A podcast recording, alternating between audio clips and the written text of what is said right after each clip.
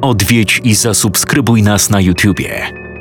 Bądź na bieżąco z nowymi filmami i słuchaj jeszcze więcej mrocznych historii. Mystery TV Więcej niż strach.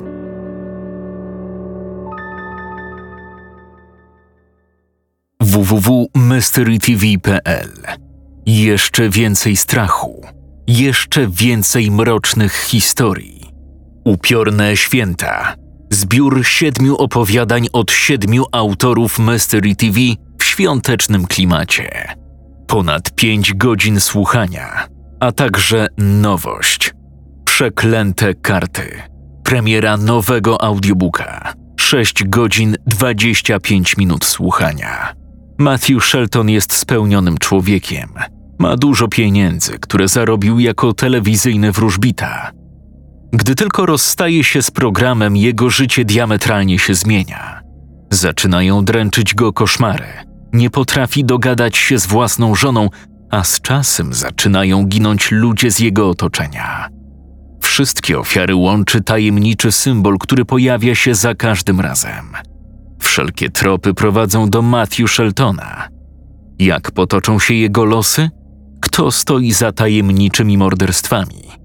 Dowiesz się słuchając najnowszego audiobooka Przeklęte karty.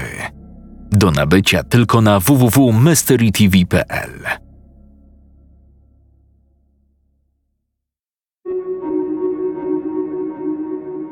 Strata. Wszyscy znamy to słowo. Strata i nierozłączna towarzyszka bezradność. Strata, bezradność i ból. Troje najeźdźców, bezlitośnie pustoszących psychikę każdego, kto napotkał ich na swej drodze. Karol był studentem trzeciego roku prawa. Wybierając się tu, wiedział, że nie będzie łatwo. Jednak były to studia jego marzeń. Godzinami ślęczał nad podręcznikami, przygotowując się do matury, która miała być jego biletem na wymarzoną uczelnię we Wrocławiu. Udało się. Karol pochodził z miasteczka Wąsosz, oddalonego około godziny jazdy samochodem od Wrocławia. Gdy rozpoczął naukę i zaczął poznawać nowych ludzi, jego uwagę od razu przykuła Kasia. Spędzali ze sobą dużo czasu i po dwóch miesiącach zamieszkali razem. Wynajmowali wspólnie mieszkanie na ulicy Wyszyńskiego, niedaleko ogrodu botanicznego. Byli wzorem dla innych studentów. Zaliczali wszystkie egzaminy bezproblemowo. W związku układało im się świetnie, świat stał przed nimi otworem. Pewnego kwietniowego dnia Karol spędzał weekend w swojej rodzinnej miejscowości. Jego znajomi organizowali w trakcie jego nieobecności domówkę. Karol obiecał swojej lubej, że spędzą wspólnie majówkę. Chłopak był abstynentem, a co za tym idzie, niejednokrotnie rozwoził znajomych do ich miejsc zamieszkania. Tym razem miał go w tym wyręczyć jego kolega z drugiego roku, Dawid. Dawid zarzekał się, że jest odpowiedzialny i można na niego liczyć. Niestety, samochód prowadzony przez Dawida jadąc ulicą Trzebnicką wpadł w poślizg i zatrzymał się na jednej z lamp. Mimo całonocnej walki o życie pasażerów, nikogo nie udało się uratować. Karol obudził się w przedpokoju swojego mieszkania. Czuł, że głowa mu pęka i boli go całe ciało. Był wrakiem człowieka. Zerknął na telefon, który wyświetlał godzinę piętnastą, a pod godziną znajdowała się informacja o dniu tygodnia czwartek. Oznaczało to, że Karol kolejny raz opuścił zajęcia. Nie przejął się tym zbytnio, mimo że do sesji pozostało raptem sześć dni. Rozpacz po utracie ukochanej towarzyszyła mu nieustannie od dwóch miesięcy. W jednym momencie całe jego życie straciło sens. Był w opłakanym stanie. Z poukładanego studenta nie zostało mu nic. Całe dnie spędzał w barach lub w domu, wlewając w siebie niezliczone butelki wszelakiego alkoholu. Parę minut po przebudzeniu wstał i udał się w stronę łazienki To mój baniak. Powiedział i obmył swoją twarz. Poczuł zażenowanie, gdy zobaczył w lustrze tłuste włosy i okalający jego twarz dwutygodniowy zarost. Stał chwilę przed lustrem, obserwując krople wody spływające po jego bladej jak ściana twarzy. Po kilku minutach udał się w stronę kuchni, gdzie przystąpił do przygotowywania posiłku. Gdy zajrzał do lodówki, z przykrością musiał stwierdzić, że wymagana będzie wizyta w osiedlowym sklepie. Świeciła bowiem pustkami. Udał się do pokoju, w którym jeszcze kilka miesięcy temu budził się każdego ranka ze swoją wybranką. Starał się unikać zdjęć i rzeczy Karoliny, porozrzucanych po całym pokoju. Zmienił dżinsy i brudną białą koszulkę na szare dresy i czarną bluzę. Wychodząc, zabrał okulary przeciwsłoneczne. Chwilę później stał przy drzwiach z kluczami, portfelem i telefonem w dłoni. Wychodząc z kamienicy, minął się z sąsiadem. Znał go z widzenia. Dzień dobry, powiedział Karol, na co sąsiad obrzucił go niechętnym spojrzeniem. Karol zdawał sobie sprawę, że sąsiad mógł go nie poznać. Po drodze do sklepu minął kilka osób. Większość wymijała go szerokim łukiem. Część spoglądała na niego z odrazą. Wreszcie osiągnął swój cel. Sklep z sympatycznym płazem w logo i nazwie, jak każdego ciepłego dnia stał z uchylonymi drzwiami. Po przekroczeniu progu ujrzał trójkę dzieci przebierających w lodówce z lodami. Faceta około czterdziestki z pięcioma butelkami piwa i starszą kobietę dzierżącą w jednej ręce koszyk, a w drugiej wózek z małym dzieckiem. Karol skierował się po bułki. Wziął kilka z nich. Następnie zabrał masło, ser i wędlinę z lodówki. Później sięgnął po osiem butelek ulubionego piwa. Stojąc w kolejce, wspominał czas, gdy miał koło siebie Karolinę. Kochał ją całym sercem. Czuł, że ona była jego drugą połówką. Każda chwila, którą razem spędzali, była wypełniona radością. Idealnie się uzupełniali. Proszę pana. Halo, proszę pana. Z rozmyślań wyrwał go głos zirytowanej kasjerki. Tak, 47 zł 20 groszy. Karol położył 50 zł i bez słowa opuścił sklep. Wychodząc, pakował zakupy do siatki, gdy nagle poczuł, że na kogoś wpadł. Jak chodzisz, melepeto? Sorry, nie chciałem. Karol? Chłopie, to ty? Tak, to ja. Ha, nie poznajesz mnie? Oskar. Studiowaliśmy razem, pamiętasz? Oskar był znajomym Karola z uczelni. Od początku wydawał się studentowi dziwny. Został wyrzucony z uczelni w drugim semestrze pierwszego roku, a później Karol nie miał z nim kontaktu. Tak, pamiętam. Teraz pamiętam. No, to gadaj, co u ciebie słychać? Bo. Wybacz, ale nie wyglądasz najlepiej. No cóż. Na pewno nie da się tego powiedzieć w dwóch słowach. Po drodze do domu Karol opowiedział dawnemu znajomemu całą swoją historię. Kurde. To. To straszne, co mówisz. Ale musisz się podnieść, żyć dalej. To nie jest takie łatwe. Ona była dla mnie wszystkim, rozumiesz? Wszystkim. Teraz nie mam po co żyć. Weź to powiedział Oskar i wręczył Karolowi mały, czerwony worek z nieznaną zawartością. Pomoże ci. Odezwę się. Do następnego. Zanim Karol zdążył odpowiedzieć, Oskar już oddalał się w sobie tylko znanym kierunku. Karol wszedł do mieszkania. Wbił się w fotel ustawiony w salonie i sięgnął po piwo z torby foliowej.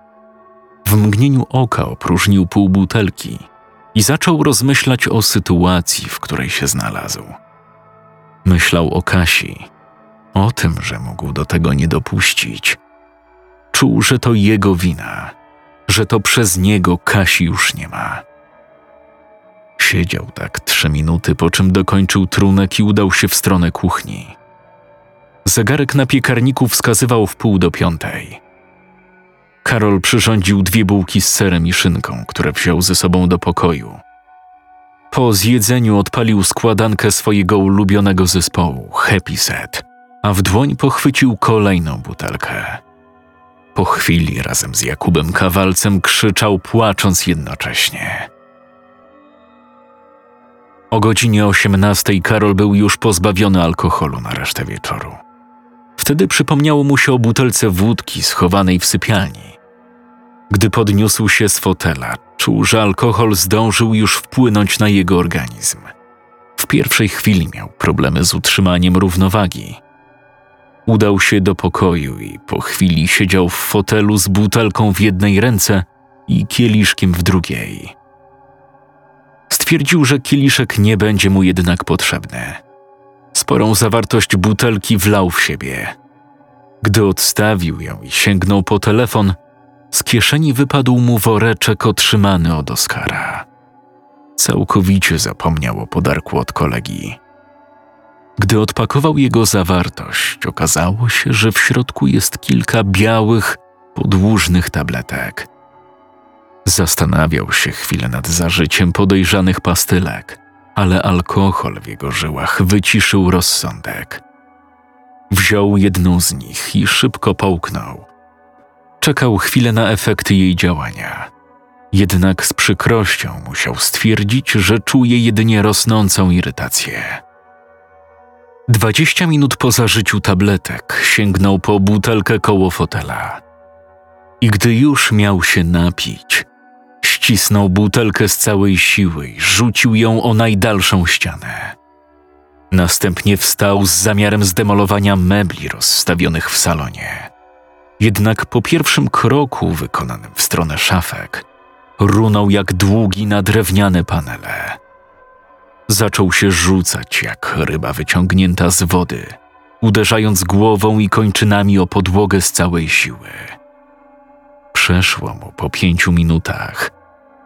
Czuł ból w dłoniach i krew spływającą po jego twarzy. Był w szoku. Nie wiedział, co w niego wstąpiło. W trakcie tego ataku nie miał nad sobą kontroli. Siedział tak koło godziny, bojąc się wykonać jakikolwiek ruch. Towarzyszyło mu nieustanne uczucie obserwowania. Około dwudziestej udał się do sypialni. Chciał pójść spać i zapomnieć o wydarzeniach tego wieczoru. Gdy wszedł do pokoju, mało nie zemdlał. Zdjęcie Kasi, na którym dziewczyna na co dzień była uśmiechnięta, w niczym nie przypominało Kasi. Zdjęcie przedstawiało ją z licznymi ranami na całym ciele. Na twarzy miała wymalowany grymas bólu. Chłopak wpatrywał się w nawiedzony obraz kilkanaście sekund. Nie był w stanie wydusić z siebie słowa. Chciał wybiec z domu, lecz gdy się odwrócił i zauważył portret Kasi przy drzwiach, znowu poczuł paraliż w całym ciele. Jego ukochana patrzyła na niego przez zamglone oczy. Jej skóra była sina tak, że dziewczyna przypominała topielca. Jej usta były szeroko otwarte w niemym krzyku. Gdy na ciele dziewczyny zaczęły się pojawiać głębokie rany, Karol poczuł przeszywający chłód na całym ciele. Nie, nie, nie! Krzyknął Karol i ruszył w stronę wyjścia z mieszkania, gdy nagle za plecami usłyszał: Znowu mnie zostawiasz? Karol, pomóż mi proszę. Głos Kasi poznałby wszędzie. Zatrzymał się. Powoli wrócił do pokoju. Kasia z obrazka patrzyła na niego obficie, płacząc krwią. Dlaczego mnie zabiłeś, Karol? Dlaczego? Dlaczego? Przepraszam. Błagam, wybacz mi. Padł na kolana przed portretem. Klęczał tak kilka minut, po czym wstał. Gdy spojrzał na portret, poczuł ciarki, które przeleciały mu po całym ciele. Na obrazku nie było nikogo, a jedyne co się na nim znajdowało to drzewa, które wcześniej były tylko tłem dla Kasi. Wtedy Karol poczuł potężny cios w okolicach karku, a następnie w potylicę. Padł na podłogę z trudem pozostając przytomnym. Jego oczom ukazała się przerażająca postać o sino-szkarłatnej skórze i długimi, brudnymi włosami opadającymi na jej twarz. Miała długie ręce zakończone ostrymi szponami. Karol widział, że była wysoka. Jej głowa prawie zawadzała o sufit. Gdy Karol oprzytomniał, poczuł serię uderzeń w okolicach klatki piersiowej. Po chwili miał problemy z oddychaniem. Żebra miał połamane. Kaszląc, dostrzegł krew wydobywającą się z jego ust. Błagam. Zostaw mnie. Nie zdążył dokończyć, gdy kreatura podniosła go i rzuciła jak piłeczką w drzwi. Drzwi wyleciały, a Karol znalazł się w salonie. Z telewizora wydobywał się dźwięk pieśni w nieznanym mu języku. Butelki stojące obok fotela wzbiły się w górę, roztrzaskując się na całym ciele chłopaka. Karol wziął telefon leżący koło fotela i gdy podniósł go, Jakub Kawalec z głośnika oznajmiał: Nie puszczę cię. Nigdzie sama stąd nie pójdziesz. Zostaniesz tu. Ja będę czekał, aż uśniesz. Będę czekał, aż uśniesz. Postać z zapleców razem z wokalistą kontynuowała piosenkę. Jej głos był niski, za niski. To nie był ludzki głos. Karol wstał, ale ból całego ciała uniemożliwiał mu przemieszczanie. Gdy popatrzył na lewą rękę, zauważył kość łokciową wystającą na przedramieniu. Krwawienie było obfite, a Karola sięgnął kolejny cios potwora. Będę czekał, aż uśniesz. Będę czekał, aż uśniesz. Czas spać, Karolku. Czas spać. Karol ostatkami sił zerwał się do ucieczki. Utykał, ale dobiegł do okna, w które uderzył całym ciężarem swojego ciała.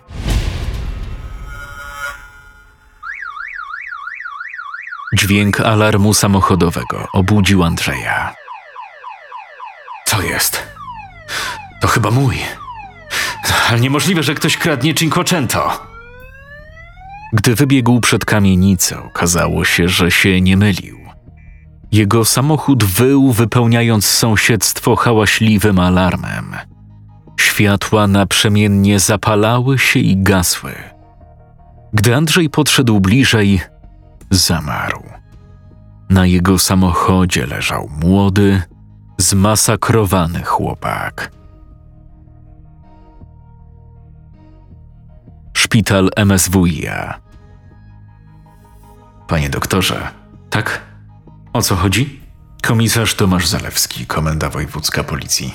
Chciałem zapytać, kiedy będę mógł porozmawiać z tym chłopakiem, którego przywieziono w nocy. Ach, no niestety pacjent jest w stanie śpiączki farmakologicznej. Aha. A kiedy się wybudzi? Nie wiadomo. Może jutro.